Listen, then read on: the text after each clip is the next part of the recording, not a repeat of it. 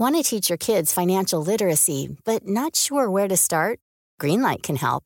With Greenlight, parents can keep an eye on kids' spending and saving, while kids and teens use a card of their own to build money confidence. As a parent, you can send instant money transfers, set up chores, automate allowance, and more. It's a convenient way to run your household, customized to your family's needs, and the easy way to raise financially smart kids. Get started with Greenlight today and get your first month free at greenlight.com slash ACAST. Ryan Reynolds here from Mint Mobile. With the price of just about everything going up during inflation, we thought we'd bring our prices down. So to help us, we brought in a reverse auctioneer, which is apparently a thing. Mint Mobile unlimited premium wireless. Ready to get 30, 30, bit to get 30, bit to get 20, 20, 20, bit to get 20, 20, bit to get 15, 15, 15, 15 just 15 bucks a month. So, Give it a try at mintmobile.com slash switch. $45 upfront for three months plus taxes and fees. Promo rate for new customers for limited time. Unlimited more than 40 gigabytes per month. Slows. Full terms at mintmobile.com.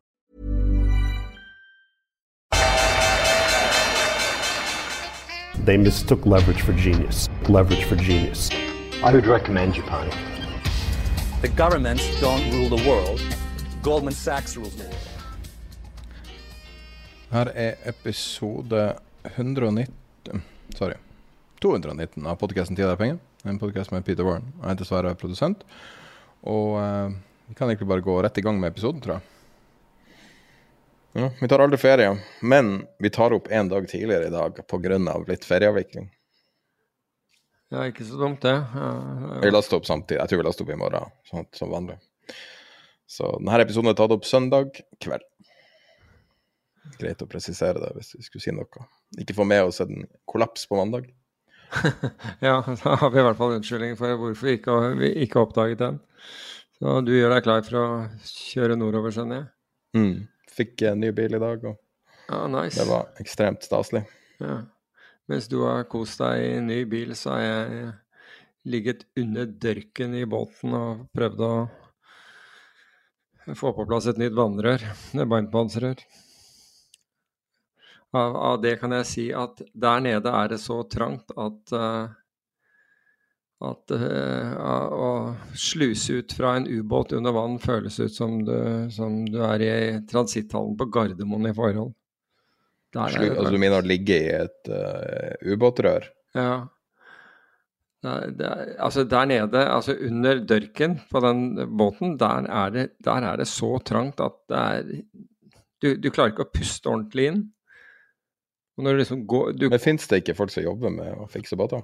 Som har spesialutstyr og sånn? ja, da, ja, men da Du trenger å være ganske liten. altså Bare for å komme ned der, så må du altså det er Både hofter setter seg fast, og skuldre Du må dyppe én skulder ned og få den under, under eh, gul, altså gulvet som da blir taket ditt, og så hodet ned, og så andre armen. Og det er helt Det er, eh, det er Jeg tror de aller fleste ville føle det som ganske ubehagelig å være der nede. Men du fiksa det? Ja, jeg fikk fikset det til slutt, men jeg har drevet og kjørt frem og tilbake med deler og fikk feil deler og litt sånn forskjellig, og så fikk jeg endelig Jeg må jo si det der at når jeg fikk det på plass i dag, så trodde jeg ikke at det skulle være tett, og tenkte at det her må Så jeg ble under der mens uh, datteren min skrudde på Skrudde på pumper og for, å, for å få vanntrykket tilbake igjen i de der slangene. Jeg var helt sikker på at nå spruter det vann her et eller annet sted, så jeg var liksom What?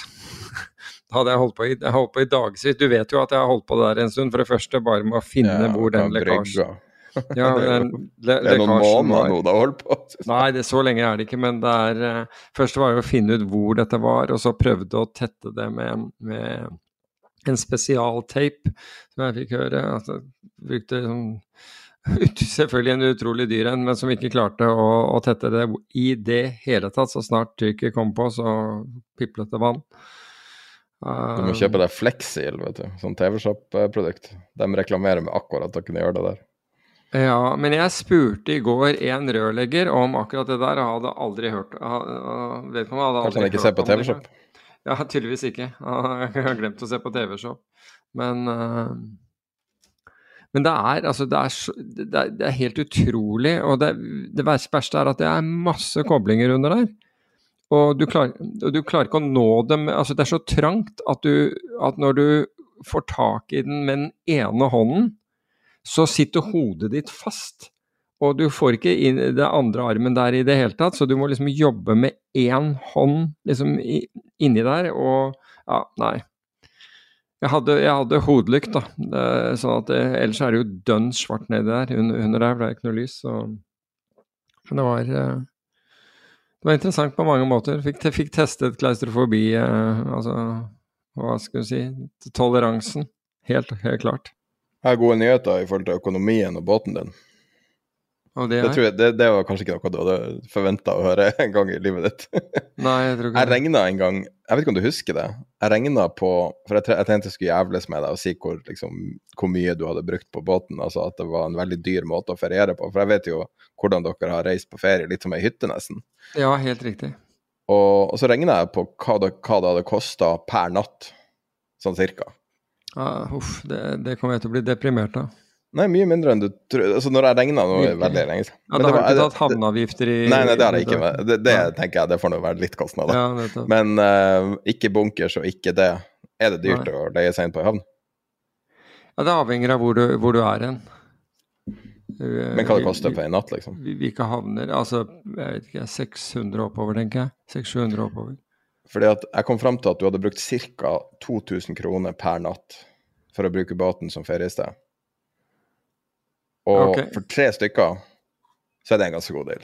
Og hvis du legger på 600, så er du fortsatt under 1000 kroner per hode per natt. Ja, altså du skal jo ha Men legger du på bunkers, er det nok litt over, men likevel. Ja, bunkers og alle Altså kostnadene ved å å få en båt klargjort og hele greia for 3002, da. altså, den, ja, ja, den, den Men likevel, det er ikke så ille som det kunne ha vært. Hvis du ser på det på den måten, at du tar det som et sånn uh, Det her er jo managerial accounting-tilnærminga til, uh, til uh, båthold. prøv, å, prøv, å, prøv å finne enhetskosten, liksom. Hva, hva er utilityen i det? Og, og, for deg så har det jo vært ei veldig god investering. Ja, nei, det har ikke vært en god investering. Altså, sånn, sånn, sett har det vært en god investering. Ja, muligens, men når du tar uh, kostnadene og får den på verft hvert år og, og, eh, og bunkers og sånt noe i, i tillegg, altså Klarte å komme fra, fra Oslo til Farsund på jeg tror jeg fylte på noen hundre liter i, Farsund før, uh, før, jeg dro tilbake igjen til et tankanlegg utenfor Kristiansand, hvor, hvor store båter kan gå inn. Eller hvor de hvor, Altså, det er ikke det er ikke Altså, det, det er egentlig Det tankanlegget er vel for, uh, for fiskefartøy og sånt noe, egentlig. Men, det var et sånt gammelt triks med bunkring på, på fiskebåter eh, som noen fant ut at hvis de betalte med sitt eget Nei, altså, altså rederen betalte med et kort han fikk eh, poeng på, sånn der, eh, så kunne du, fikk du så inn i helvete mye bonuspoeng oh, ja, når du booker. Men de, jeg tror de oppdaga det ganske fort. Men det var noen år der det var superlukrativt. for at Men det var jo folk som kjøpte Tesla, med, te, kjøpte Tesla med American Express ikke sant? og fikk sånn der i verden kunne fly rundt jorda omtrent uh, for billett. Ja, det er omtrent, En Tesla er vel omtrent uh, det det koster å bunkre opp en fiskebåt. Jeg vil tro det. Det er veldig veldig mye. Å herregud, det er såpass mye. Ja, Så gærent er det ikke her, da. Men uh, jeg tror Jeg jobbet på fiskebåt da jeg var 19. Uh, som uh, høres ut som uh, det er en veldig naturlig ting å gjøre i Nord-Norge, som er en veldig unaturlig ting å gjøre. da. Men ja. da bunkra vi opp. Vi, vi, dro ut i syv dager, rett ut. Pluss at du har tråler som driver og brenner. Så det var vanvittig med drivstoff som gikk der, altså. Ja, det er ikke, det er ikke så gærent her, altså. Men, men tank, jeg tror det er halvannet tonn du kan ta om bord, og så ett tonn med vann i tillegg. Men elbåt ser ganske attraktivt ut, altså. Jeg har ikke forsøkt, så Du kan si at alt ser attraktivt ut når, når, du ligger under Altså når du må krabbe ned et lite hull og ligge under dørken. Og det er eh, Og du Og jeg Første gang så tok jeg ikke på meg knebeskyttere. Altså, du ligger i en sånn stilling hvor du er nødt til å brekke fotbladet ditt, altså, eller bøye det bakover, for det er ikke plass til å ha tærne ned. ikke sant, Skjønner du hva jeg mener? Slik at du har Du, du hviler på risten og på knærne, og det er ujevnt, og selvfølgelig skroget skråner oppover, slik at det er det er, ja, det er som jeg sa, det er en studie i, uh, i evne til å tåle klaustrofobi. Og du klarer ikke å komme ut av det der hullet uten at noen guider hodet ditt uh, mot, mot, uh, mot, utgangen, for å si det på den måten. Så ganske artig. Men er, alt er en opplevelse. Det er som å havne på akuttmottaket. Hvis du kan gå ut på egne ben, så er det kun en altså Uansett hvordan du ellers ser ut, så er det kun en opplevelse. Verre når du Vi har eh, publisert en analyse på eh, hjemmesida vår, tidepenger.no, mm. eh, av eh, Steno. Mm. Friend of the pod. Vi har en avtale ja. med han om at vi kan publisere litt fra hans eh, det er jo litt kult at han har klart å bygge opp en Han har jo en stor stab og massevis av kunder. og Altså, han er blitt en seriøst contender med Steno Research. Og, ja. og skriver mye bra ting også. Altså, mm. Vi får jo veldig mye research eh, fra investeringsbankene. Det er veldig mye som bare går rett, altså, som nesten ikke blir lest. altså Skumma gjennom et sekund. Altså. Han, han, er jo utpreget makro, da, bare så ikke folk tror at det er eh, mikro. Altså selskapsanalyser dette, dette dreier seg om. Men jeg leser aldri mikro.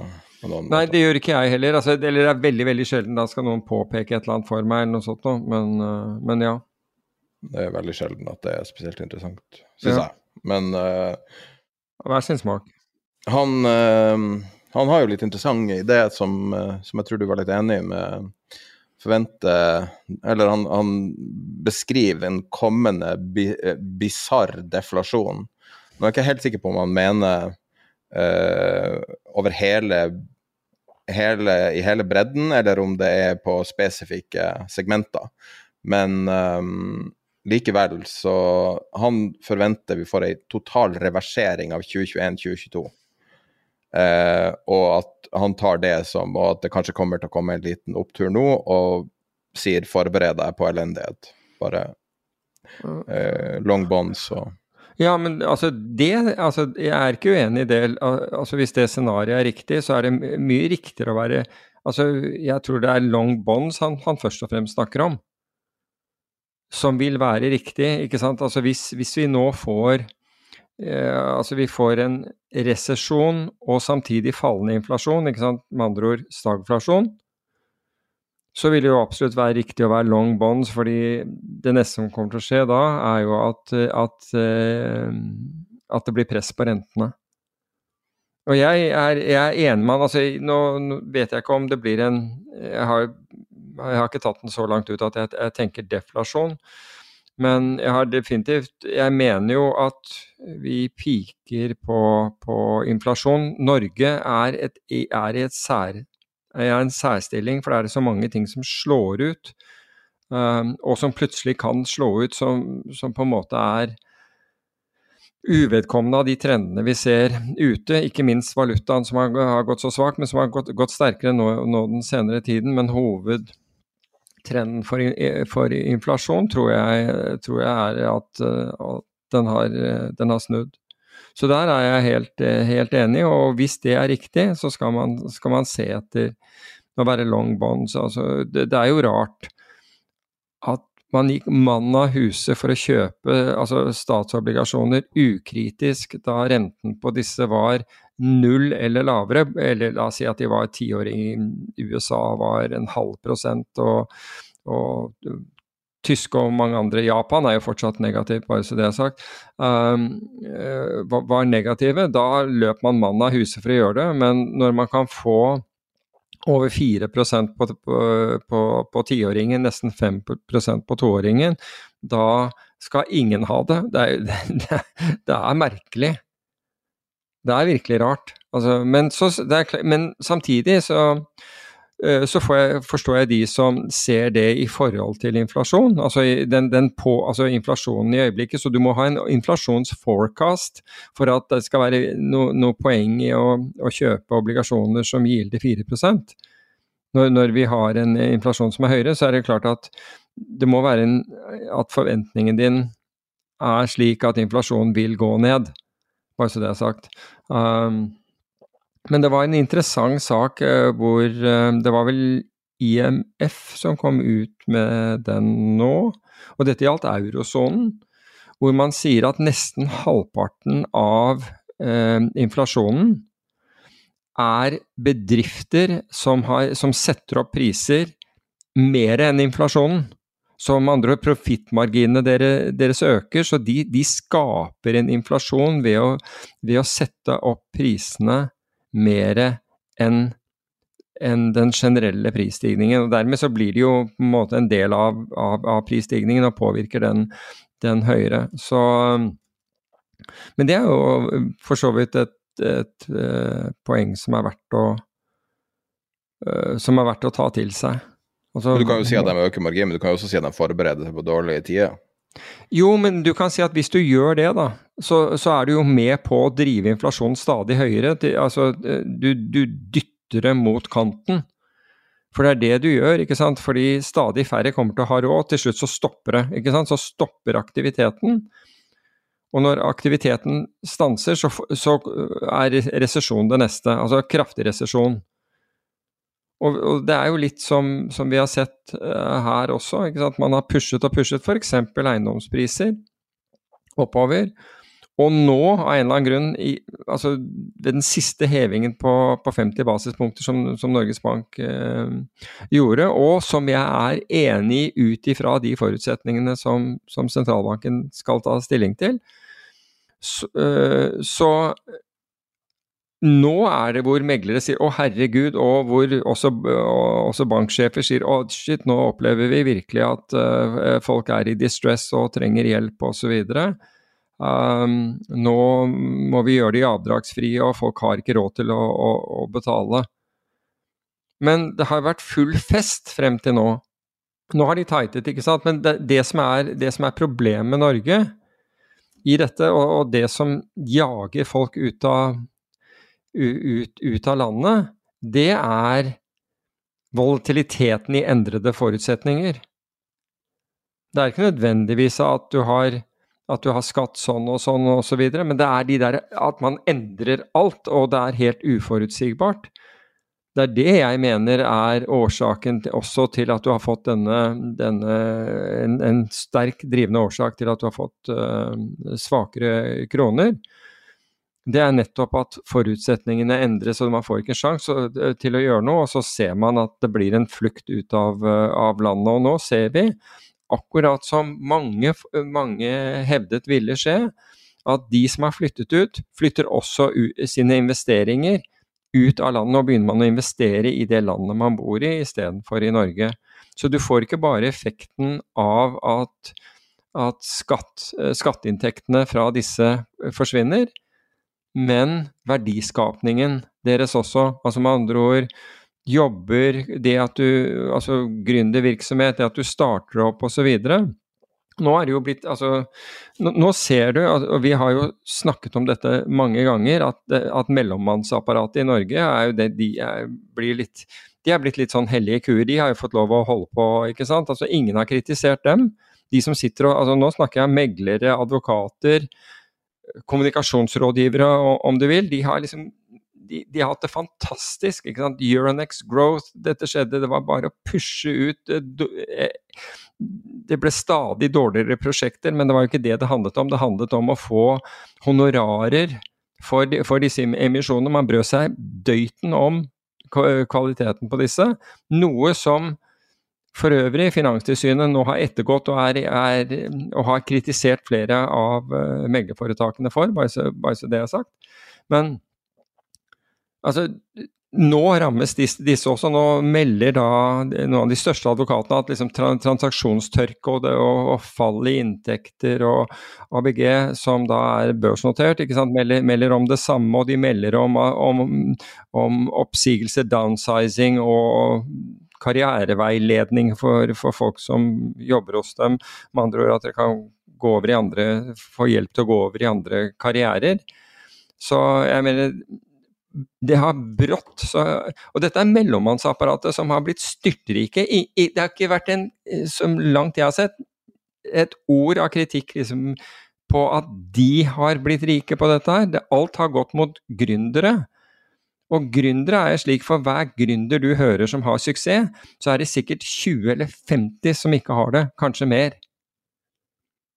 Mens i, i mellommannsapparatet så tjener man på alle disse transaksjonene. Så, så lenge dette her går, så lenge maskineriet går, så sitter man og, og, og skalper av, um, av inntektene som andre skaper. Og nå har vi liksom sendt en stor del av gründermassen ut av landet. Og så er det, så, det er jo Ukentlig så hører du om folk som sier at 'jeg ville aldri ha startet opp nå'.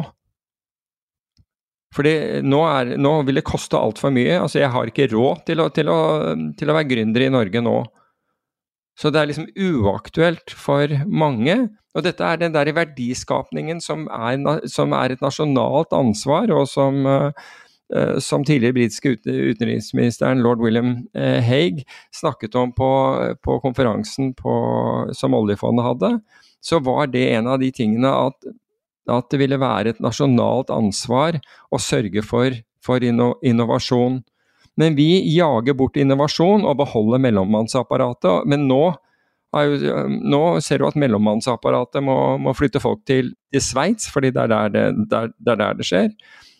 Og jeg mener, Gud forby, jeg tror jeg, jeg, jeg tror jeg, så en aksjemegler kjøre en to år gammel Bentley her forleden. Ja, og det er jo hakket før det går til helvete. Det er helt klart. Så og det neste er antageligvis disse kommunikasjonsbyråene, medie- og kommunikasjonsbyråer, som, eh, som, også begynner å slite. Så her gjelder det å komme opp med Euronex Supergrowth eller et eller annet sånt, altså finne på noe nytt litt bråfort. Fordi man har brent så mye av investeringen. Altså enten så har den flyttet ut, eller så har man brent den på dårlige prosjekter i, eh, i 2021 eh, og delvis inn i, i 2022. Det har vært bra ting som har kommet ut fra Growth, men jeg er enig i at kvaliteten har vært uh, eh, skiftende. Det, det, det, er ikke det at det ikke har kommet noe ut av det, men dette tok av som GameStop. Det var bare å liksom hive på, for interessen er jo å få honorarer for, for, for å legge ting legge, For å presentere ting på børs. ikke sant? Det, det overgår alle andre honorarer, altså det å hente inn penger overgår alle andre honorarer som, som meglerhusene får. Så, gjelder, så, det er ikke altså Du kan tenke deg hva de får i kurtasje. ikke sant? Det er ingenting i forhold. Så det er klart at når, når, du snakker om balansert rådgivning, du kan ikke ha balansert rådgivning når et meglerforetak og, og, og dette er bare måten det er organisert på. Altså Myndighetene gjennom Finanstilsynet sier at det skal være balansert rådgivning, men når du tjener 6-7-8% på den ene siden av handelen og 0,75% på den andre, eller 0,2% på den andre, hvilken av disse, hvilken av disse to uh, partene uh, vil du forsøke å, å blidgjøre? Det sier seg selv. Det er en enorm ubalanse i, i, dette, og du kan si at det må Altså, det blir nærmest det um, Rett og slett på, på, på grunn av hvordan, hvordan, systemet er. Og det og, og, Greit, det kan vi jo ta til oss, men da må det jo også være regler på plass som sørger for at begge partene i en handel blir likt ivaretatt. At det, altså det skal jo være på en måte loven. Og da må du følge opp det, da. Ikke åpenbart foretrekke, foretrekke den ene parten. Altså nå kritiseres jo, som sagt, meglerhus for det. Ikke det at det betyr noe, fordi det, det, man rammes jo ikke annet enn at vær så snill, ikke gjør dette mer. Men det er jo massevis av investorer som har tapt skjorta på Your Next Growth. Noen ting har gått bra, men andre ting har gått ned 99, var det, vi fant ut 99,65% eller noe sånt noe. Og det er klart at hvis, hvis noe du har investert i har falt 99,65 så, du, så, så må du påregne at det tar litt tid å få de pengene tilbake igjen.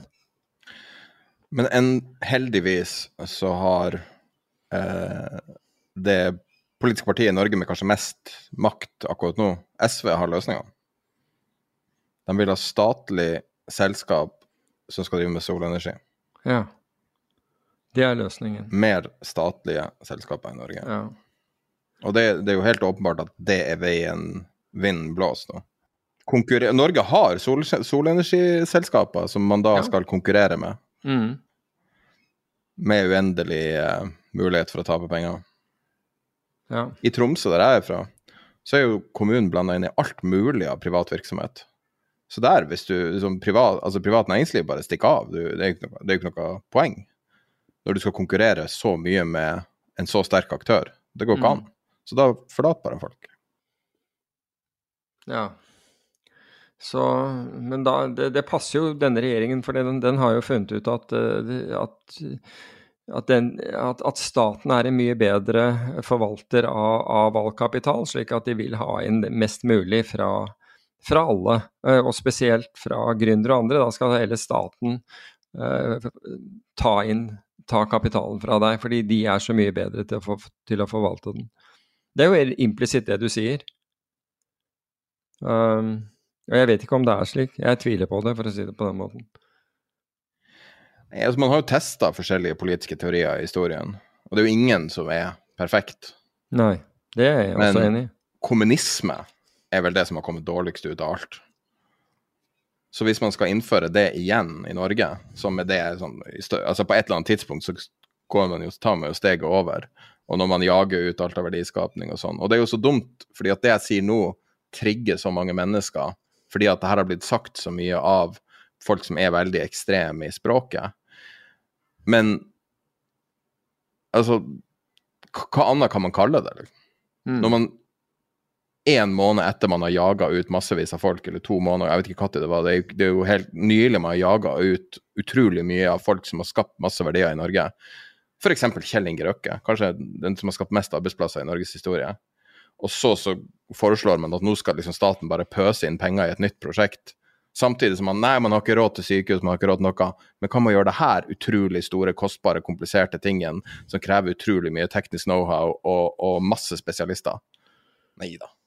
Ja, jeg er helt enig. Lønninger og styrehonorarer kritiseres, men så plutselig leser du liksom at, eh, at staten betaler enorme styrehonorarer til, til, eh, til eh, de som sitter i, i statlige virksomheter. Det er også en interessant sak.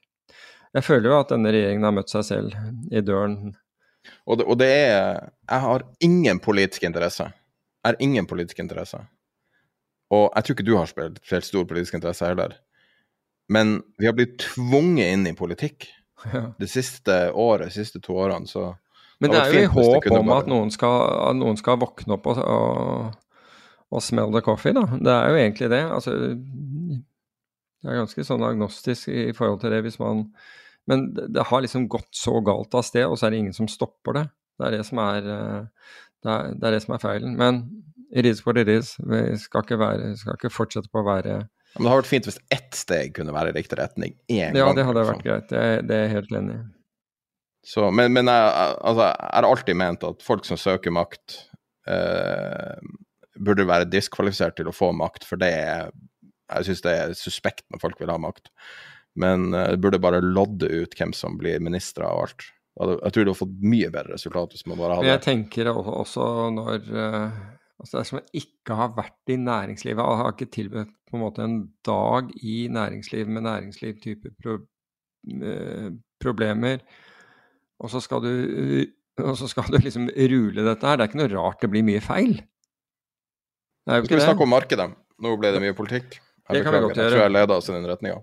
Si, eh, ja, jeg kan bare dra på med det, med det som dro, var litt ålreit i, i, i forrige uke. Altså eh, Hvis vi begynner fra, fra, fra, fra toppen, altså, så var altså Forrige gang så snakket vi om at, eh, at vi mente olje var undervurdert i for, forhold til aksjer, at det, ikke, at det var et misforhold mellom olje og aksjer. Jeg hadde ikke regnet med at det der skulle tette seg, eller begynne å tette seg så fort.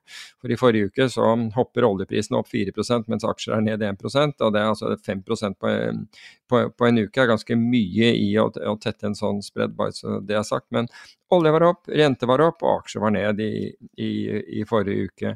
Du hadde ting Bitcoin var ned 1% men det forhindret ikke Galaxy eh, å hoppe 14 Denne ETF-en for blockchain eh, for blockchain-selskapet var opp 6 Uh, Grayscale, da, som, som er den vi har snakket om uh, et antall ganger, som, som, den klarte å hoppe 5 også til tross for at uh, bitcoin var, var, ned. Tesla var opp 5% og brent olje var opp 4 og så må jeg si at på, på minussiden så var jo egentlig alle de tingene vi ja, Ikke alle tingene, men ja, du kan, det er oppe for diskusjon. Men de tingene vi kan glede oss over, var ned. Og nå ser vi på, på nordisk strømpris for fjerde kvartal. Det falt 14% Naturgass i Storbritannia 13% TTF, som er da hollandsk eller europeisk gass om man vil, 13% uh, unnskyld, 11% ned.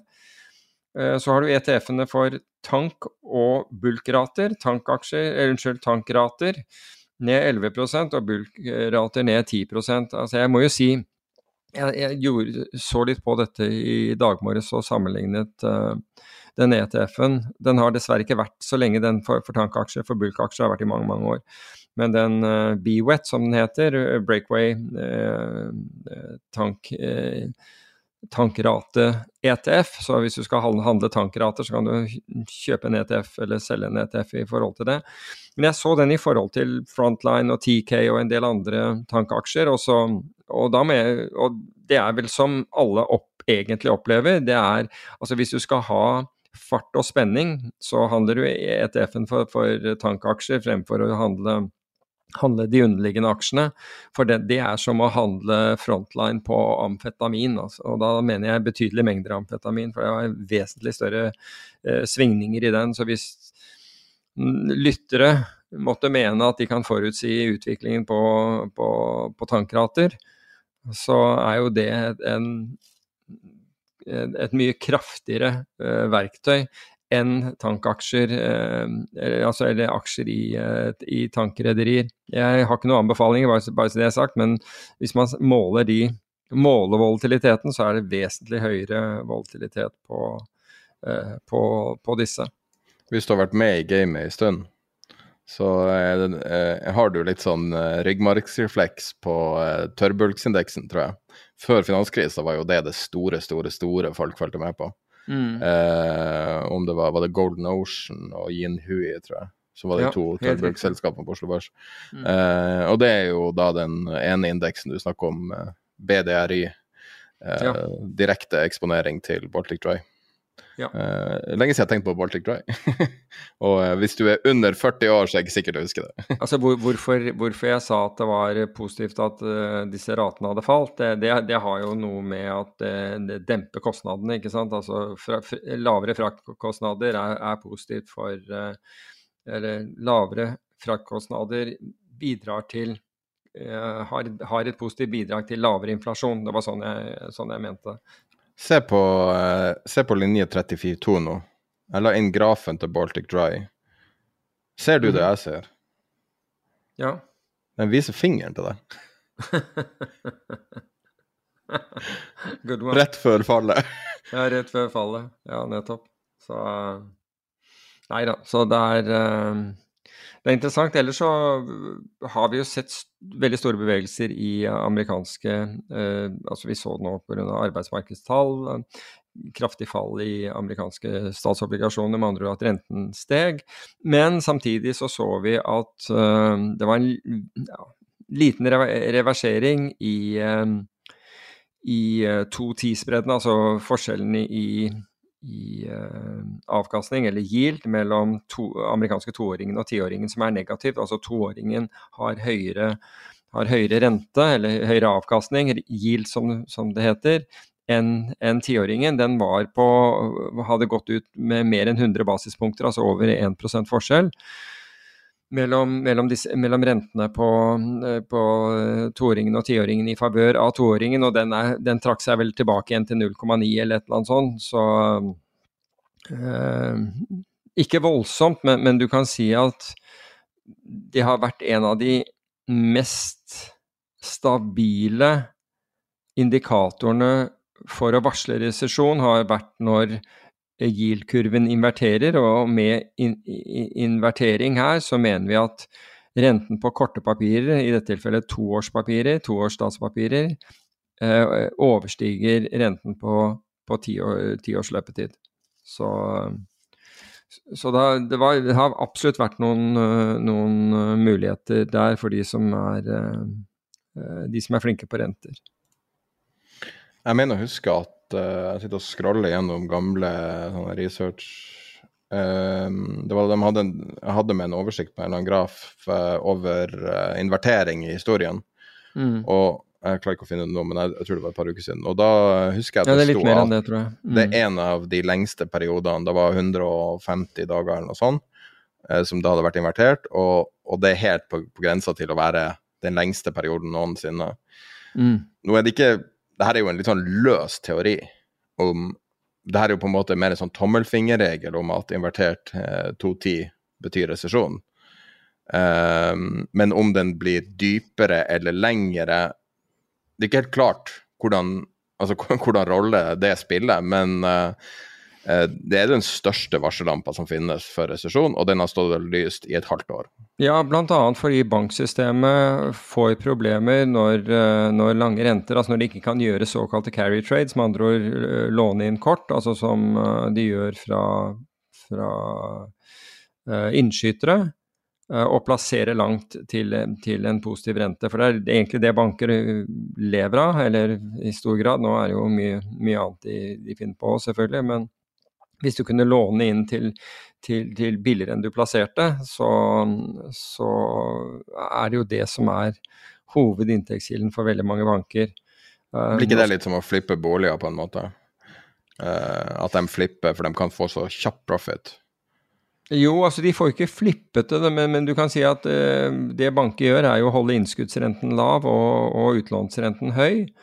Og, og, sånn som her i Norge, så har de bare økt spredden mellom innskudd og utlån, så de har ikke noe problem med det der. Sant? De, de klarer å tjene mer penger i, i, under disse forholdene, men det er mer konkurranse i utlandet, og det er slik at eh, du, kan ikke, du, du, klarer ikke å ta så mye av kundene dine som de gjør her hjemme, da, tydeligvis. Så, så, så her har det, har det, gått greit, men når du har negativ yield-kurve, så betyr det at, hele, på en måte at banksektoren, banksektoren, sliter. Og da sliter gjerne andre ting også i, i, i økonomien. Det jeg for øvrig glemte å nevne i sted, og som Christian, en av våre lyttere, gjorde meg oppmerksom på her var det vel i går eller dagen før, og jeg nevnte jo at brentolje var opp 4% men han sa at bensinprisen på fredag, og det var jo da startet mange på, på, på ferien sin, fra, den hoppet opp 29 ved, ved, ved lunsjtider, altså med andre ord når folk skal uh, komme seg av, av, gårde på ferie. 29% oppgang. Og det forteller også om et marked som, som verken konkurransemyndigheter ser noe særlig på, eller som har noen konkurranse overhodet når, når, vi ser sånne hopp. For det har ingenting med de underliggende, underliggende prisene å gjøre på, på, på, bensin. Det er bare rene marginer, så du bare kjører opp så mye du kan for å, fordi du vet at nå skal folk på ferie, så de har ikke noe valg. De er nødt til å fylle opp, de som ikke har gjort det eh, tidligere. 29 De har også økt eh, prisen på hurtiglading. Ja, det også, ja. Hva, hva Som jeg plutselig er blitt veldig opptatt av.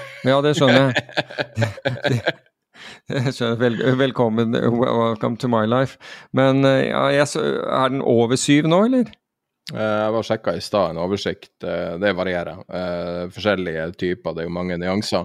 Det er oppe i åtte på det høyeste, men, men det er jo altså sammenligna med strømprisen, så Men nå, nå, er jo ikke det en fair sammenligning, for det koster jo millioner for de maskinene, de hurtigladerne, og det er jo veldig dyrt å sette opp og vedlikeholde. Så. Jo, det er helt greit. Jeg kjøper, at, at jeg kjøper faktisk forklaringa på at det her kost, er for dyrt. Jo, men det koster også å sette opp en bensinstasjon i utgangspunktet også. Så hvis du skal ta det ut umiddelbart, så går det ikke bra for noen. Så du, altså hvordan, altså Hvis du ikke hadde noe statlig beskyttelse, eller noe statlig altså sånn hvor, hvor, hvor, hvor du faktisk måtte konkurrere La oss si at du, at du, skulle starte en bedrift, og så tenker du at det kommer til å koste meg, jeg er nødt til å leie dette, jeg må stille med depositum, og jeg må ansette mennesker og hele greia, det, det kommer til å koste meg ganske mye første året. La oss si at det er en klesforretning. Og så, så, tenker du ok, nei, jeg kjører opp prisen på klær i forhold til hva, hva andre har, med 500% Og så kommer folk inn og så sier men det er jo jævlig mye billigere andre steder. Ja, men skjønner du, jeg driver og starter opp, jeg, og det koster så mye. Du ville aldri kunne sagt det, vet du. Det er bare hvor konkurransen ikke er reell, og hvor konkurransemyndighetene er når det gjelder dette her, det aner jeg ikke. Men de er i hvert fall ikke på jobb. Det kan vi i hvert fall slå fast. Så det gjelder dere i, i, i Forbrukerrådet òg, kom på banen. Dette her er gærent. Folk har, har, kostnader nok som det er. Men Norge har funnet en ny måte å tjene penger. Står okay. det på E24 i dag. All right, hva er det? Det er aldri et problem som er så stort at det ikke er godt for noe. Pga. den svake krona er så utrolig svak og svekka seg 20 mm, mot euroen fra i fjor sommer. Um, så nå eksporterer vi nybiler ut av landet. Mm. Så vi er blitt basically Drammen havn er blitt en sånn her uh, uh, mottak for bil til hele Europa nå, for ingen i Norge har råd til bil lenger. så nå er det bare å shippe ut alt sammen. Ja, men det er, jo bra. Altså, det er jo bra fordi det, det er jo betyr... absolutt bra. Herregud, det er bra. ja, jo, men det er bra for bilforhandlere også at de klarer å holde, holde, lyset på. For altså, du har jo også der Det var ikke lenge siden det ble, ble det var en sak i, i pressen hvor forhandlere hadde måttet si opp mennesker, og det er jo ingen som kjøper bil osv. Så, videre. så hvis du da kan allokere de bilene til markeder som, som har etterspørsel, så er det jo helt altså, da, da, det, det, er jo på en måte en, en, Globalisering er ikke død, for å si det på den måten. Den er kanskje død mellom Kina og, og oss, men den er i hvert fall vesentlig redusert. Um, hva annet er det vi har å Jeg er litt sånn bullish på, på energi, altså sånn energioppfinnelser og sånne ting. Jeg tenker på Nå har vi vi snakker om så mye elendighet nå, og, og jeg snakka nylig med noen som uh, var bekymra for at det var så godt vær i sommer. altså At det er en ekkelt godt vær, fordi at du, du merker at det her er litt unaturlig. Sånn her har det aldri vært før, og osv. Og, og så blir det naturlig å tenke på, på CO, CO2 og alt det her. Også, men, men, det som vi, vi ikke tenker på, er jo hva som skjer når man får motstand. Da får du masse innovasjon. ikke sant? Altså, Uh, ja, Bortsett fra at du får ikke det i Norge, ikke sant? for innovatørene har Nei, nei, men du trenger jo for så vidt ikke det. Uh, sånn jo, som i Norge så skal vi bygge litium Jo, men i Norge skal vi bygge litium-ion-batterier, som er den batteriteknologien som er i dag. Mm. Men det er jo to utrolig spennende teknologier som er på trappen, og er på vei, den ene er på, på vei inn i markedet, den andre er kanskje ett eller to år unna. Og det er sånne batterier som er basert på salt, som er mye billigere å bygge. Mm. Eh, litt lavere energitetthet, men da dramatisk mye billigere. Og så slipper du å bruke litium, som er eh, helt latterlig dyrt. Um, det, det, har du hørt om noe som trader litium? For det må være en mulig short, altså. Ja, det vet jeg ikke, men uh, Nei, jeg, jeg, vet ikke om det. Det har du uh... Jeg får opp at en swap future ja, jeg tror det, jeg tror det fins eh, jeg, jeg, tror det finnes. Jeg har ikke vært, vært borti det. Jeg bare så en oversikt som viste altså prisoppgangen til litium, som stort sett tror jeg kom fra Kina. Mm. Og det var helt dramatisk. Og så ser du da muligheten. Plutselig kan du få en ny teknologi. Pga. at den teknologien baserer seg på, på, basically på salt. Det er jo veldig lett tilgjengelig, og, og ikke noe kommer fra problematiske land som eh, har veldig kjipe gruveforhold og sånn. Så plutselig så kan det være at man kan lagre f.eks. strøm lokalt i veldig store volum, hvis mm. batteriet blir billig. Kanskje, kanskje, man løser de her problemene plutselig. Jeg føler at det er ingen som tar, opp, tar høyde for at ting kan bli løst. For det, og så har du solid state. Da, da vil kanskje bensinbilen være historie, når solid mm. state-batteriene kommer, som er halvparten så stor. Og, eh, og ikke, det går ikke varme i dem og noe som helst. Og det kommer Toyota med om ett år ca. Eh, mm. og så bygger, bygger, Norge Litium Ion, den gamle, gamle, typen, men det ja, altså, Eller skal hva, hva, bygge, da. Ja. Hva skal du gjøre? Ja, men så har du en til ting som skjedde nå i uh, forrige uke. Da har du et uh, Og jeg forstår det ikke, men jeg forstår at dem som forstår det, forstår det. Uh, grønt energigjennombrudd på skip, det baserer seg på noen kjemikalier som reduserer CO2-utslippene også, og der du har nye typer motorer de gjør, de lager. Så det er Tradewind som har det. Jeg legger link til alle de tingene i nyhetsbrevet uansett. Men det er liksom, jeg syns det er ganske mye som skjer nå som er ganske nært eller er på kommersialiseringstidspunktet. Du har jo den der bilen fra, fra BYD som heter Seagull, og den har det der nye saltbatteriet. Så det er på, og den koster jo bare 100 000 kroner. Så eh, den bilen, da. Og eh, eh, det er jo Altså, den kan jo virkelig forandre verden, én bil, liksom. Fordi den er så utrolig billig. Så nei, jeg bare er litt sånn Jeg vet ikke, jeg har lyst til å være litt optimistisk på, på eh, jordas vegne, liksom. Jeg tror kanskje at ting er i ferd med å skje nå. Ja, det har vært hyggelig. Uh, ellers har jo kineserne over lang tid vært veldig flinke til å skaffe seg mineralrettigheter rundt omkring. Og det var jo interessant at uh, Nato-styrker, eller de allierte styrkene, hadde jo knapt kommet seg ut av Afghanistan før kineserne rykket inn og kjøpte store områder og skapte seg store områder i Hindukush-fjellene. Hvor det finnes kobber, kobolt, gull, lisium, som du, som du nevnte, og en hel haug av, av sjeldne sånne jordmetaller, eller jordmineraler. Så av alle steder Altså Hindukush er ikke det letteste stedet å få noe ut fra, for å si det på den måten, for der er, der er det ikke veldig mye veier. Det skal sies, men uh, Jeg har aldri hørt om?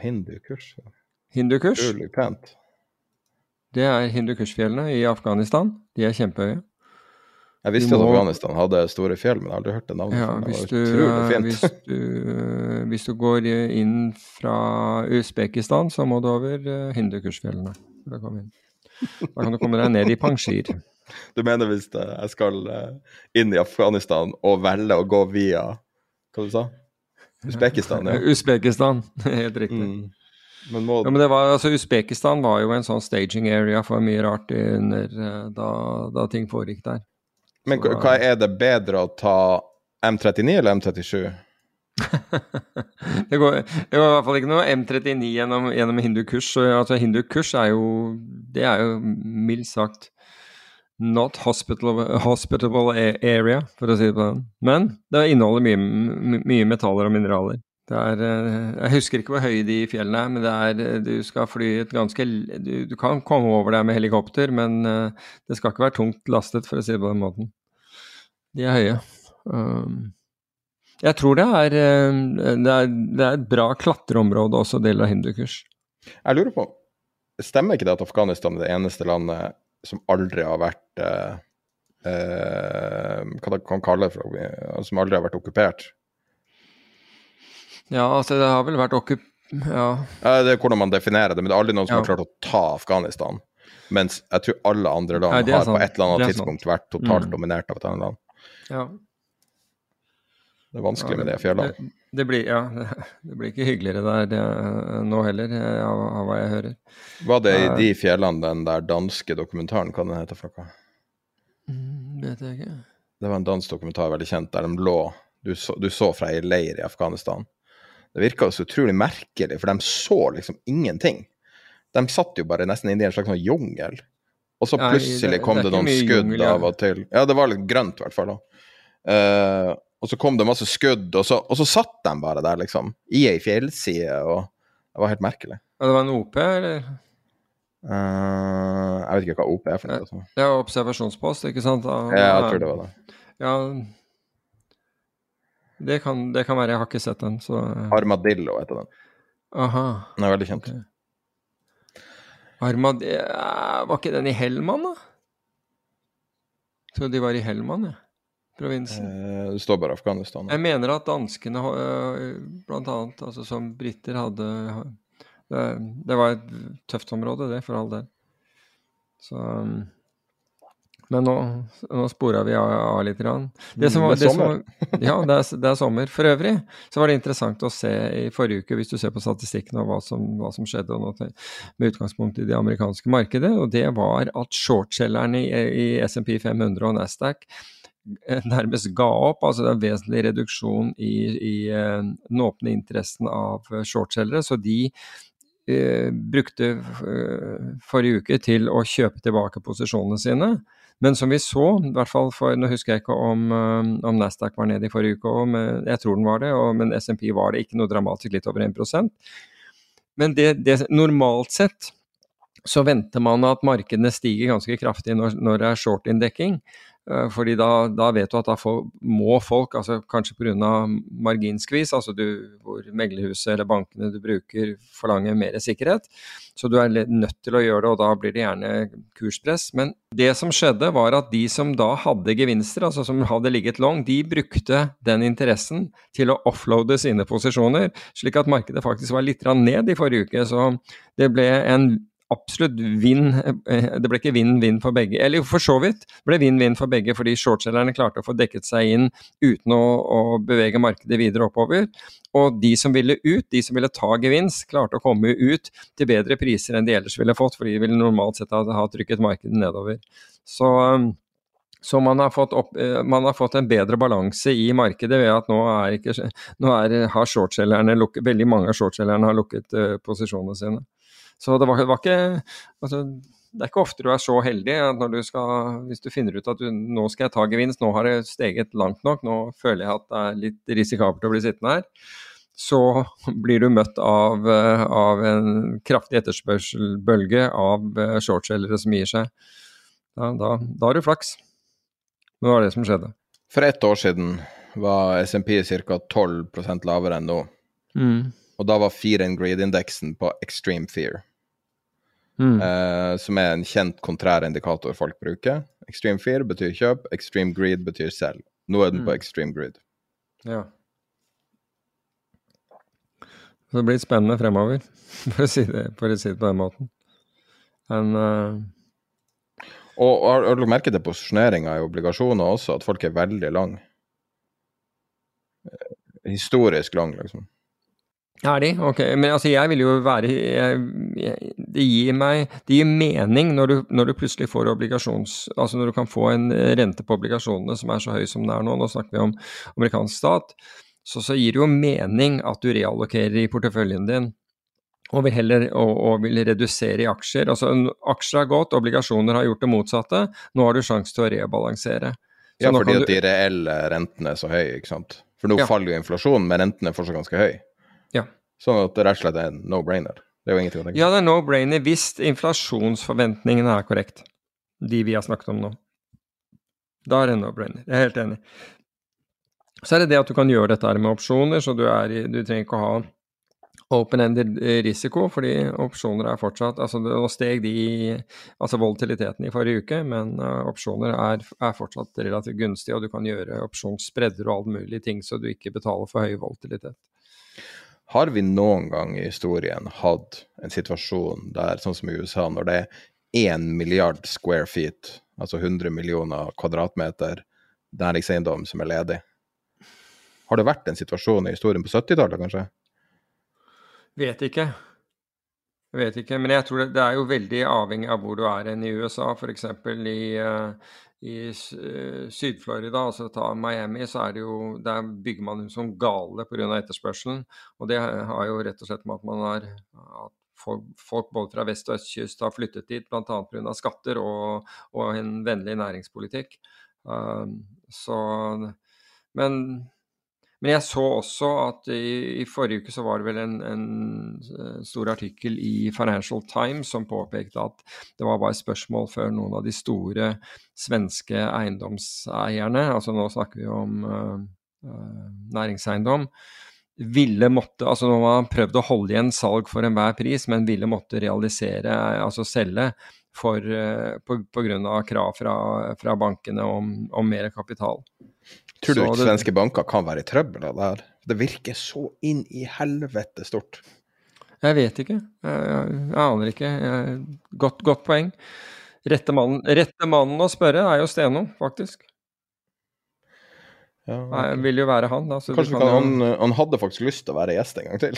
Så vi kan ja, ta han inn men, som gjest. Eller du kan være him uh, uh, Absolutt. Du kan ta han uh, i sommer, det hadde vært fint. Ja, eller bare him og spørre om, om, om, dette med svenske bankene. Jeg har ikke hørt noe om det, og jeg har heller ikke undersøkt noe om det, men uh, det skal bli interessant, fordi de, Financial Times listet, da, Times listet da opp disse største i, i, det markedet, og det skal være interessant å se.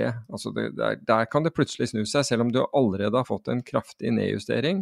Det ser du bl.a. På, på fond som holder svenske næringseiendommer. Så Det er veldig viktig du har ikke hatt realisering av det, tap. Det er det som kommer nå, og det er da ja. bankene får problemer. For det er jo i forhold til balansen og krav og alle de her uh, tier 2-krav og alt mulig. Jeg vedder på alt blir mm. påvirka av det. Ja. Så uh, det er noe vi nesten aldri har sett, egentlig. For næringseiendom er jo et relativt moderne fenomen. Altså sammenligna med å eie hus. Før i tida så så man jo ikke på en måte verdien. Det er jo, det er jo noe som har skjedd liksom, etter krigen. og, og um, Så man har jo relativt kort historie på næringseiendom, og vi har vel egentlig aldri hatt en sånn ordentlig kjørn på det. Nei, vi har kanskje Utenom ikke det. Utenom 91 må jo ha vært ille, da, men, Ja. Men da gikk jo alt, liksom. Da var det vel mer Ja. eh, bolig. Det er, det er voldsomt med refinansiering som skal skje her i Norge også, så det blir jo interessant å se der. Og det har jo vært spekulert allerede om eiendommer hvor uh, næringseiendommer senest i forrige uke hvor, uh, hvor hele uh, egenkapitalen kan være tapt. Altså, jeg ser ganske mye transaksjoner som blir skrytt av av tilretteleggerne. Eh, så det er definitivt begynt å skje ting. Uh, mer ting, men ikke så mye. altså Det er jo selvfølgelig, det var jo et salg nylig på Frogner f.eks., men det er jo super premium-ting som blir solgt på dagen. Eh, men, Men det var vel eh, ikke en- det var næring? Jeg vet ikke hva du kaller det. Det som er naboen til Det var jo det en Tvenge kjøpte, naboen til uh, Nobelkomiteen, er det ikke det? Nobelinstituttet? Ja, det er jo næring. Å ja, for det er ikke Frogner, det er jo det, det er jo nede Hva heter det for noe der, da? Det Ved Solli plass, det. Er ikke det Frogner? Nei. Er det ikke Frogner? Nei, Ikke Solli plass på Frogner? Nei, det, Frogner begynner vel på Solli plass og går vestover derfra, tenker jeg. Ja, nå lærte jeg noe nytt. Hva man kalle Solli plass, da? Jeg ville kalt det Solli plass. Men... Vika? Ja, det er, ja, det er nærmere Vika, egentlig. Nå skal jeg, nå, nå, Mm. jeg stoler ikke helt på din uh, Hvis du hadde vært eiendomsmegler, så hadde det vært Frogner uansett faen. men, men da er det de reglene. Skal vi se Det er noe som gjelder deler av Grønland-Frogner òg, tenker jeg. Men eh, Eh, På Wikipediaen til Solli plass Mm. så har de skrevet fonetisk på Oslo vest-sosiolekt. uttales, uttales Solli. ok. ok. Jeg har aldri sett sosiolekt fonetisk. Nei, ikke jeg heller. Jeg tror det er noen som har gjort det her litt på tull. Men uh, Jeg skal ta kontroll F Frogner. Frogner dukker opp fem ganger i artikkelen. Vi, altså det er jo der eh, nesten Skillebekk og Hva blir det? Skillebekk, Vika og Frogner møtes. Det er vel omtrent på, på Det er en plass i den vest, vestlige Oslo sentrum og ligger i bydelen Frogner. Ok. Men da, altså jeg vil jo hevde at Frogner begynner der. Men der hvor eh, instituttet ligger, det ligger ikke på altså Nobelinstituttet ligger på, ikke på Frogner. Også. Det ligger jo eh, nesten i, i Parkveien. Det ligger Nesten på Slottet. Ja, nettopp. Men det er nå en fryktelig fin eiendom og fryktelig dyr, altså. Ja, for all del. For all del. Så, eh, men det var interessant å se at Tvenge gikk fra at alle pengene skulle gå til gjelden, til å kjøpe en eiendom til 460 millioner. Ja, gjorde han det? Med én dags varsel. Å, såpass. Det er imponerende. så klarer Ja. Fant noe penger i en, eh, noe penger i en lomme, da. vel. Jo, jo, men det her kan ha vært i samme, samme eie i 120, 120 år, tror jeg. Mm. Det var vel eh, Sparebankstiftelsen eller noe sånt som solgte det, en eller annen sånn ting. Så eh, 120 år. Det må jo faktisk være at de kjøpte det rundt Kristiania-krakket, da. Kanskje de eh, så vidt har fortjeneste. Så du for øvrig at disse danske energitraderne som da fikk sparken fordi de ba om det de mente var eh, den beregnede bonusen på 1,4 milliarder, de fikk sparken, nå har de saksøkt sin arbeidsgiver. Um, det er ganske Altså, det dette går egentlig tilbake til den der bonusdebatten vi hadde om, om eh, med, med Statkraft. Og altså, det er jo ikke størrelsen nødvendigvis på bonusene som, som er noe øh, som jeg syns at man øh, det, at, Altså, det er noe galt med. Det var egentlig bare hva som var prinsippene for å for, for å beregne bonusene. Det var det jeg egentlig syns. Altså, det kan godt hende at disse traderne her som man skylder 1,4 milliarder, altså det er sikkert fordi det er en andel av hva de har tjent. Så det er ikke slik at at tallet er tatt helt ut av luften. Det er jo det, er jo det som er vanligvis eh, grunnlaget for eh, bonusberegning. Og så sier man at det er 1,4 milliarder, nå snakker jeg om disse dan danske, om forlatelse, ikke Statkraft, så sier man at det er altfor mye. Ja, det kan hende at altså det, er, det er et voldsomt tall, men det, det er jo fordi selskapet har tjent så godt at det tallet er Så å komme etterpå altså hvis, du har, hvis du har vedtatt og god, godtatt uh, en modell som du da ikke du, du trodde aldri du kunne tjene så mye penger, og så tjener du la oss si ti ganger eller hundre ganger det du trodde, og så skal du gå og si at ja, men det Jeg hadde ikke tenkt at du skulle få så mye. Det blir litt feil i ettertid. At man, at man tar det Det er kanskje ikke riktig, men du må følge reglene. ja, det er det jeg mener, og da får, da får, man heller si at ok, shit, dette her var Dette hadde vi ikke sett for oss. Og så endrer man bonusreglene der, derfra. Og Det samme gjelder altså dette med Statkraft. Jeg, jeg, har ikke noe syn egentlig på, selv om de bonusene virket veldig store, altså har folk gjort den jobben som tillater, det, altså, som tillater store bonuser og tjent inn voldsomt med penger for selskapet, så har de gjort det.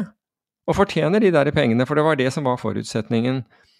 Det at man, det at man har hatt et usedvanlig godt år, og hvis det er kommet som følge av ikke fordi tidevannet løfter alle båter, nemlig at uh, kraftprisene eh, steg voldsomt, men fordi man gjorde ting som hvor det, hvor det var påvist dyktighet, så har ikke jeg noen problemer med, med disse utbetalingene. Men jeg syns bare at Statkraft burde vært mye mer åpen på hva det var som lå til grunn for, for, for beløpet.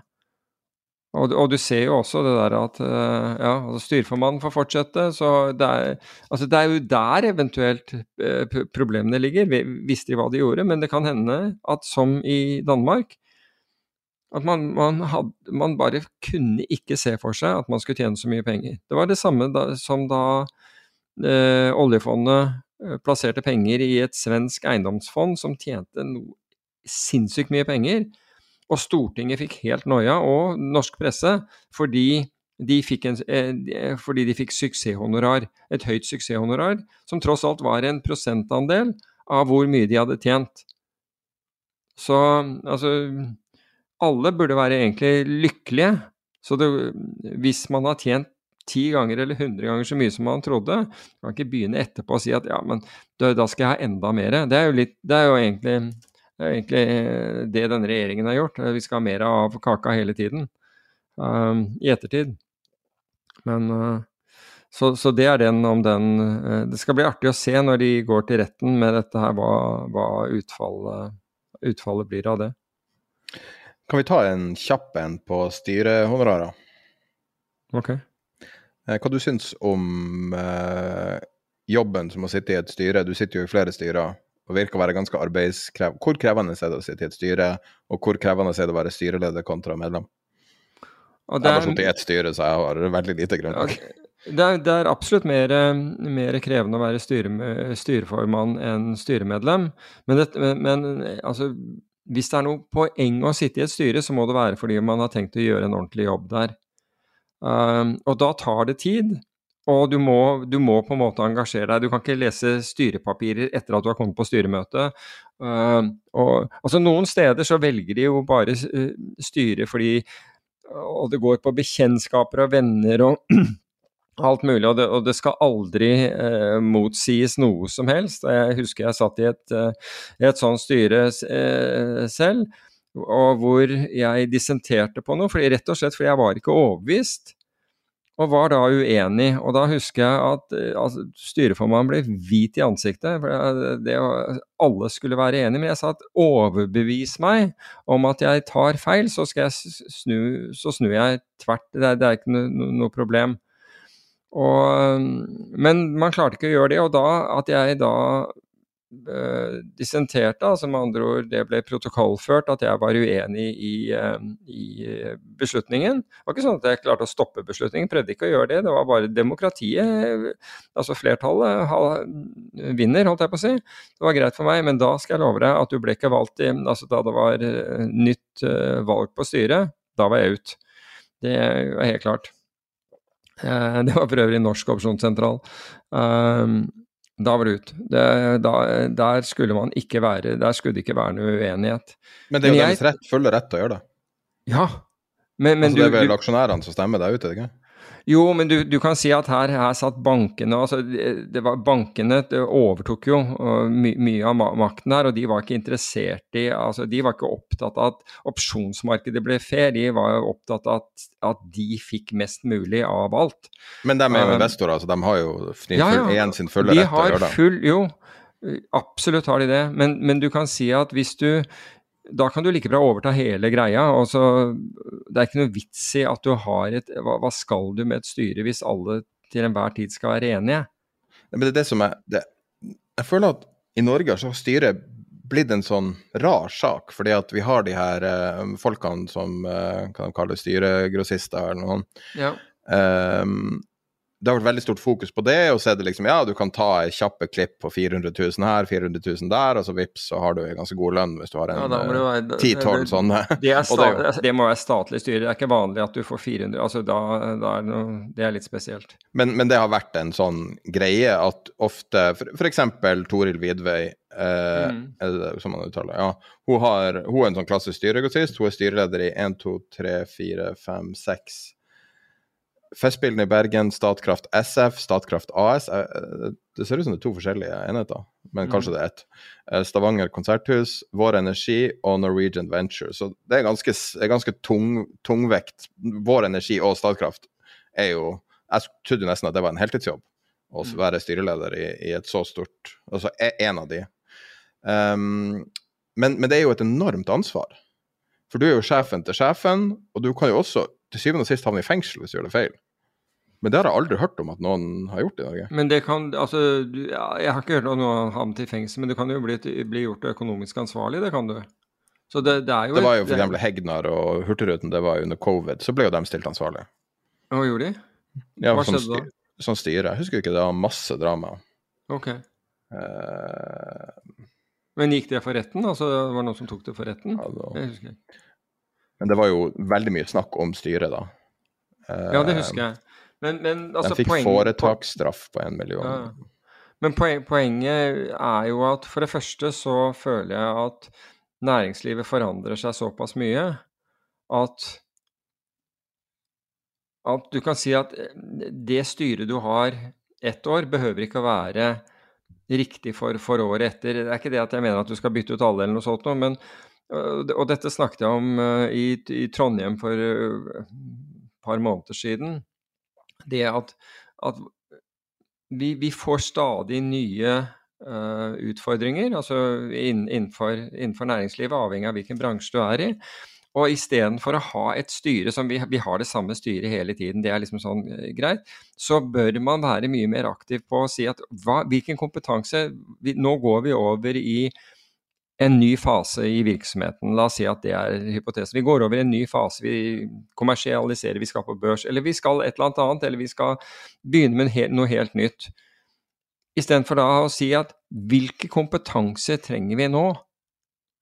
Så blir det gjerne at det er de samme menneskene som, som, uh, som fortsetter. Mens du burde faktisk Og jeg, jeg, jeg, blir ikke sur i det hele tatt, og det sier jeg alltid når jeg, når jeg kommer inn i et styre. Hvis altså den kompetansen jeg sitter på, altså fordi man har gjerne fått meg inn av, av en bestemt eh, en eller annen grunn, Altså Hvis det er annen kompetanse som, som trengs fremover, altså, så, så, blir jeg overhodet ikke um, lei meg hvis, hvis, jeg blir byttet ut. Det er helt greit, altså fordi det kreves både den, Når bedrifter går gjennom forskjellige faser, så kan det være at du har behov for annen type kompetanse.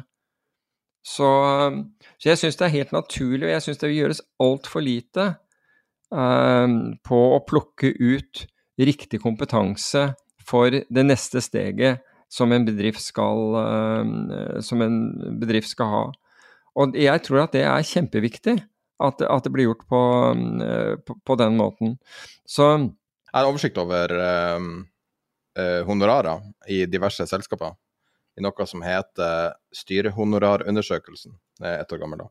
Hva tror du det høyeste styrelederhonoraret er på Oslo Børs? I penger. Det er sikkert mer enn det jeg vet, eller, eller jeg kan forestille meg. Syv millioner. Altså, ja, jeg, og mer enn fem millioner, ville jeg ha sagt, fordi jeg vet om et fem millioner. Det er noe. Ja, akkurat. Nummer to er litt over fire millioner, har gått litt ned siden i fjor, da var det nesten fem. Noreco Norwegian Energy Company. Og eh, Yin Hui, som nevnte så vidt i stad, to millioner. Også de dårligste betalte Jeg klarer å gjette hvem som, er, hvem som betaler styrelederen sin dårligst av alle på Oslo Børs. Jeg har ikke peiling på.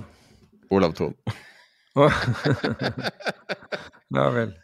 Og så har du, når det kommer til å være medlem Subsea 7 får du Eller i 2020 fikk du én million for å være styremedlem. Ja.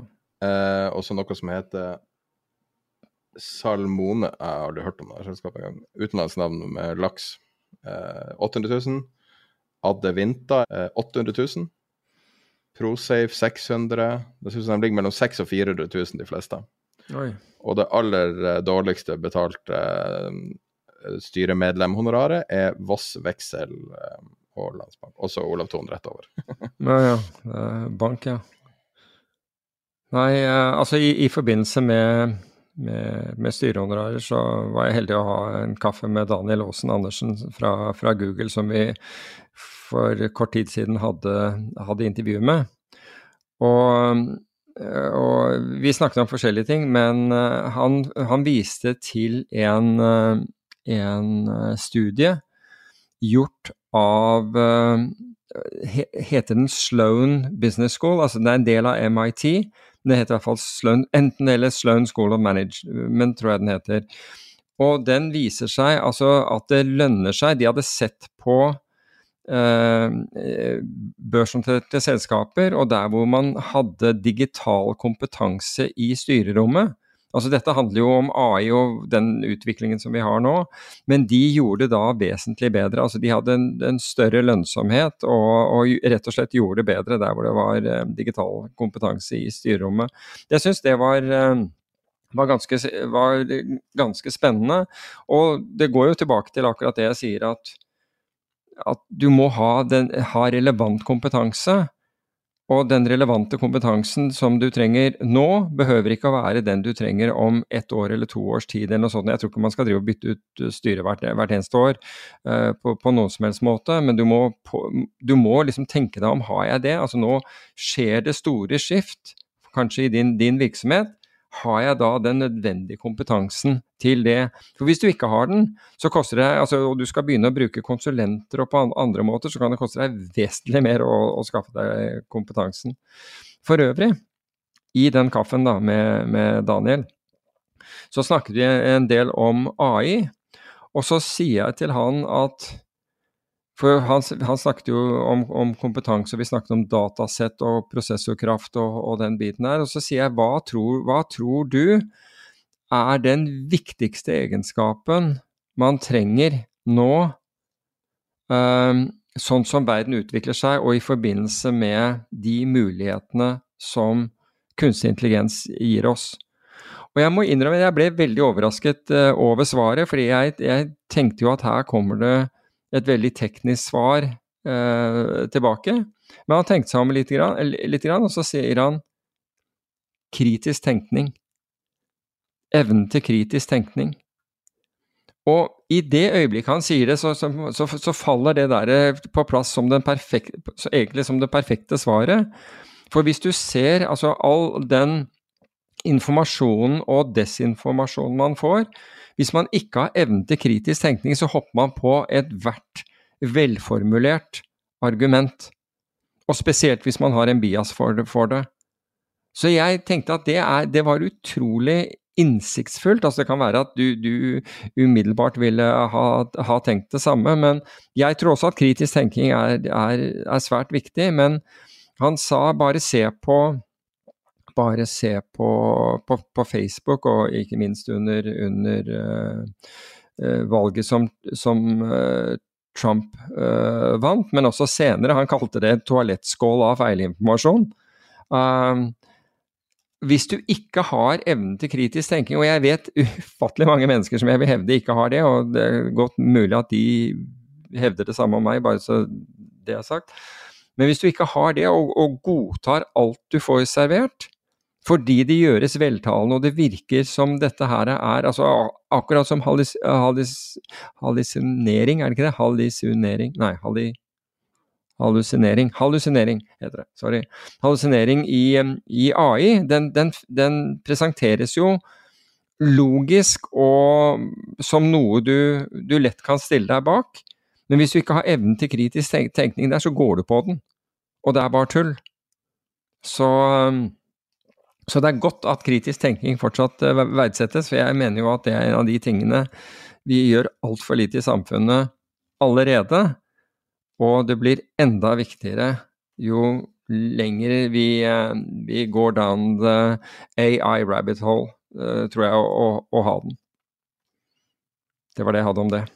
Skal vi uh, runde av episoden med et klipp av vårt Patron-intervju med Espen Agdestein? Det syns jeg vi, vi, uh, vi, vi, skal. Kan jeg bare få skyte inn én ting før vi, snakker om han? Fordi, og det er at, for jeg har nevnt han før, Atle Førsvold, han som har sykkelladden på Insta, han har nå syklet Norge på langs, altså fra nord til sør. Han er i Kristiansand. Nå har han Europa og Afrika neste, og når han da kommer til det er fra Nordkapp til hva blir det i Afrika? Det er, Kapp, det er, det er de to hornene der nede, en Kapp til Gode Håp og, og, og Kapp Horn. Så skal han jaggu sykle, sykle, tilbake igjen. Uh, men jeg syns i hvert fall det var en grei shout-out for hans innsats. Så til Espen Agdestein. Så, uh, kjempeinteressant. kjempeinteressant å, å, å høre på. Og hvis det er noen, altså apropos det vi nettopp snakket om å ha ulik kompetanse i styrerom, hvis det er noen som har klart å tiltrekke seg uh, uh, divers, uh, diverse, det, hva heter det på norsk? Variert. Variert. variert og god kompetanse til, til prosjektene som han innleder, så er det han. Det er han virkelig flink på. Det er å skaffe, få tak i folk som da er flinkere enn seg selv på, på, på, en, på, en, rekke felt. Og jeg tror det er absolutt uh, grunnlag og, for, for, suksess, og som han da tydeligvis har hatt. Og Ellers så har vi jo gjort en ny ting som, hvis du hører på denne episoden, har du kanskje lagt merke til det allerede, at uh, det kom mer innhold fra oss som vanlig i den vanlige podkast-feeden. det vi begynte å gjøre nå, er uh, når vi legger ut nye intervjuer på Patron, så tar vi en av de eldre intervjuene og publiserer det i, uh, som en vanlig podkast-episode. Både fordi at vi, vi, prøver jo å gjøre de intervjuene ganske sånn tidløse, sånn at det ikke er sånn at det er dårligere verdi et år eller to etterpå. Um, men det er også det at vi, vi, har lyst til at flest mulig skal høre på. Så hvis du ikke har mulighet til å ikke ønsker å, støtte oss på Patrion, så får du i hvert fall høre intervjuene likevel. Og ikke minst eh, litt av respekt til intervjuobjektene, og at vi sprer det budskapet til flest mulig. Så det er vår måte å, å uh, prøve å ha en betalingsmur på en uh, fornuftig måte. Jeg håper det er greit. Best of both worlds, vil jeg kalle det. Men da kan vi ta og runde av med Espen Agdestein. Og hvis du liker det du hører, så kan du høre resten på PIR. Ha det bra. Ha en fin uke. Jo... Før vi snakker om sjakk, jeg har lyst til å snakke om direkte bordbestilling. Ja. Var det der alt starta, eller var det i CompuCard alt starta? Jeg starta Jeg var jo en sånn uh... Mens andre gikk på skole, så solgte jeg ting. Og tjente så mye penger at jeg følte at uh, Jeg hadde ikke noen sånn uh, klar retning. Jeg hadde lyst til å bli advokat eller lege eller sivilingeniør. Mine to eldre brødre hadde jo eh, blitt henholdsvis sivilingeniør og, og, og, lege, mens jeg hadde ikke sånn dragning i noen retning, egentlig. Jeg, men jeg var ganske sosial, og jeg hadde venner som solgte ting. Og jeg begynte å lage firmaer sammen med de, og vi solgte alt mulig rart. Og tjente masse penger. Bl.a. noe som het Dinner for Two. Når vi sto på kjøpesenteret. Jeg organiserte ungdommer som sto og solgte sånne kort hvor man kunne gå på restauranter og spise for to og betale for én. Veldig populært. Solgte masse. Eh, jeg organiserte eh, studenter som gikk rundt og solgte ved på dørene til folk. Hadde et firma som het Valdres Ved. Alt, alt mulig holdt jeg på med av sånne ting. Eh, og det var kjempegøy. Men uh, etter hvert så, så, kom jeg inn i litt ordentlig var noen som, Eller Compucar, da, som lagde sånne fordelsprogrammer for flyselskap og hotellkjeder og, og banker og sånn. Ordentlig firma. De, de kjøpte firmaet mitt. Egentlig så var det ikke, det var ikke mye penger, men de, jeg kom på en måte inn i et ordentlig miljø i CompuCard som var veldig avgjørende for meg, egentlig. Med, som var et seriøst firma med veldig flinke folk og godt organisert. Og jeg, jeg gjorde det bra der. Og så gikk jeg til IDG, som arrangerte ja, som hadde PC World, eh, Compu, Computer World, den type magasiner, som var veldig stort på 90-tallet. Jeg tror vi var 150 ansatte. Arrangerte også PC World, messer, masse ulike messer. Så jeg begynte å jobbe der. Eh, jeg hadde, den, jeg hadde veldig tidlig veldig interesse for restauranter. Og jeg fikk den interessen for Eller jeg visste at eh, Eller jeg, gjennom jobben min i CompuCard så hadde jeg laget et sånt system for, for Sparebanken eh, Nord, het det på den gangen. Så, lagde, så, hadde vi et sånt fordelskort som vi lagde i CompuCard, hvor, hvor jeg lagde et system hvor man kunne gå og spise eh, rundt. Og med det kortet så fikk man 20 eh, på restauranter. Så jeg reiste rundt i hele Norge og besøkte restauranter og ble venner med disse restauratørene og kokkene og sånn. Så jeg skjønte hvordan de sleit med bordbestillingen. De ringte folk eh, døgnet rundt, og de var ikke til stede. Og de eh, hadde ikke tid til å ta telefonen. og Det var dårlig opplegg både for eh, de som jobbet der, og for de som ringte og prøvde å bestille. Så jeg så liksom hele tiden at jeg skjønte at her er det noe som kan gjøres bedre. Og så når jeg begynte å jobbe i CompuCard, som var et IT-miljø hvor Jeg, jobb, jeg jobb, traff jo veldig mange i og med at vi arrangerte Jeg hadde ansvaret for disse messene så traff jeg veldig mange IT-kompetente mennesker. Så jeg skjønte at jeg trengte en partner som har teknologikompetanse for å kunne lage et system her. Jeg visste hva direkte bordbestilling skulle være. At det skulle være en bookingsentral for restauranter hvor man kunne ringe ett telefonnummer, booke bord. Og så satt man da på et callsenter og hadde oversikt over eh, alle restaurantene og så hvor det var ledig bord, og hvor det ikke var ledig bord. Og man kunne ringe til Bagatell og og så på callsenteret. Så, så kunne bare Bagatell trykke på en sånn rød knapp, og så ble man koblet over til det callsenteret. Uh, så da hadde alle restaurantene hadde 24-7 service. da. Og vi uh, ordnet logistikken med, med, bookinger. Og jeg fikk med meg Anders Brandt, som uh, jeg fortsatt jobber med. Som, som ja, En ting jeg har vært, vært, heldig og flink med, er at jeg har, har, alltid vært veldig flink å få med meg flinke mennesker å jobbe sammen med. Og Anders er, er kjempeflink. Så vi eh, klarte å overbevise en del mennesker om at dette var en god idé. Fikk med investorer, hentet eh, nesten 10 millioner bare på, på, Powerpoint her og ideen, så jeg kunne slutte i, i IDG og begynne å jobbe med dette prosjektet. Og jobbet sammen med Og hentet faktisk så mye som 60 millioner over eh, et par år her, og fikk, fikk prosjektet opp å stå, fikk det lansert, hadde callsenter, store reklamekampanjer i, over hele landet, og, og det funket. Uh, men så kom vi inn i 1998, og det var litt Asia-krise og, og, forskjellig som gjorde at, uh, at det, det, var vanskelig å hente mer penger, og det var et sånt vekstprosjekt som trengte, som trengte mer penger. Uh, og Da klarte vi ikke det, og da var det faktisk Staff-gruppen som var den største investoren, som bestemte seg for å kjøpe opp eh, selskapet, legge ned driften og gjøre det om til et teknologiselskap, som det så pent het. Så Det var slutten på direkte bordbestilling. Og, og var det, time, det, var to ting. Det var timingen som var vi var, Hadde vi holdt ut et år til, så hadde vi kommet rett inn i den internettbølgen. Og det hadde vært, eh, Da hadde vi vært helt super eh, og spennende. Uh, og så var det det med å ha investorer som, som uh, evner å se langsiktig og på en måte komme og, og ikke være du, du ha, Skal du være inne i en, teknologiselskap tidlig fase og ha en visjon, så må du evne å, å være, ha stayer-egenskaper. Og og du må ha investorer som, som, skjønner hva som går bra, hva som ikke går bra, og liksom kan holde ut. Uh, og det, det, er ikke noen selvfølge, selvfølge, i hvert fall var det ikke det på den tiden.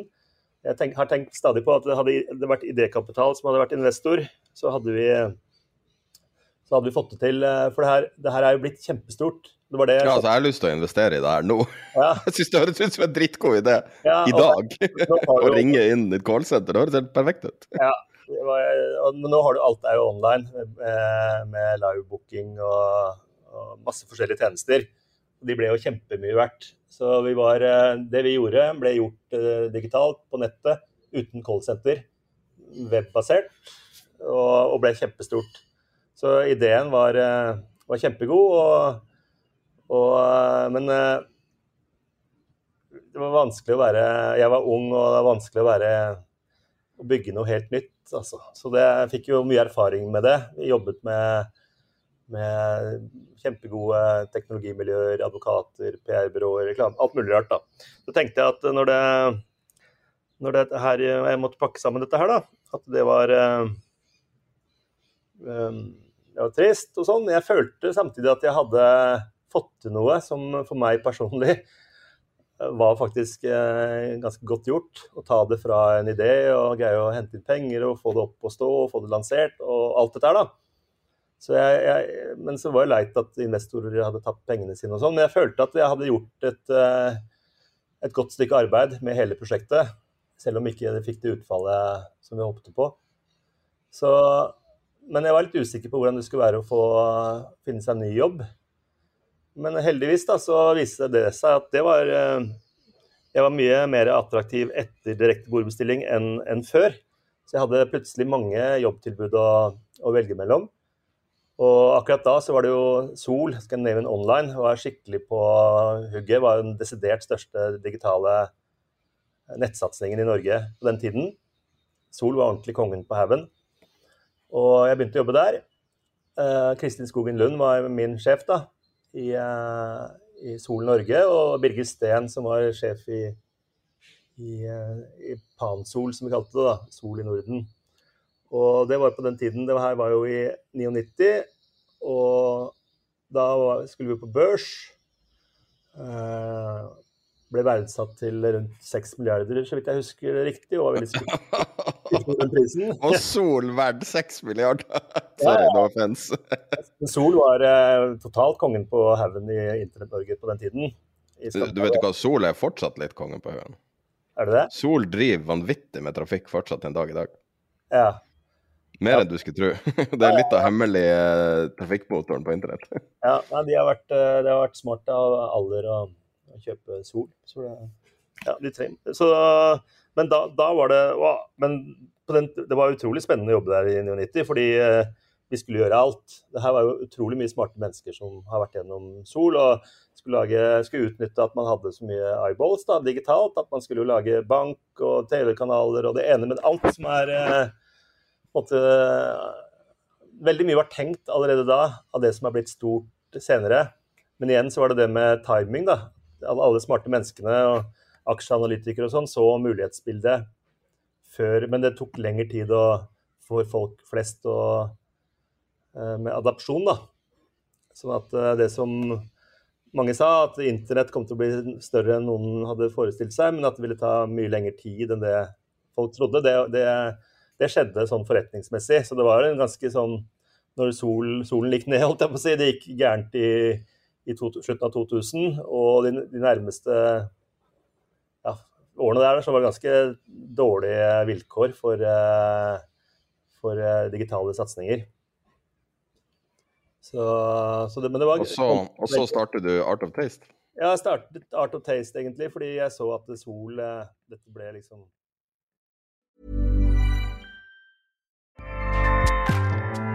ACAST powers the world's best podcasts.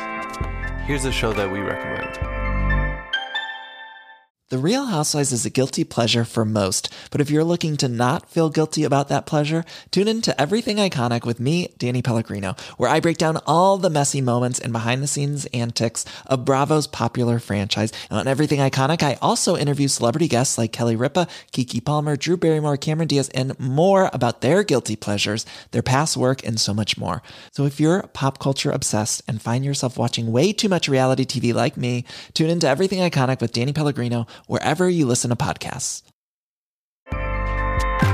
ACAST helps creators launch, grow, and monetize their podcasts everywhere.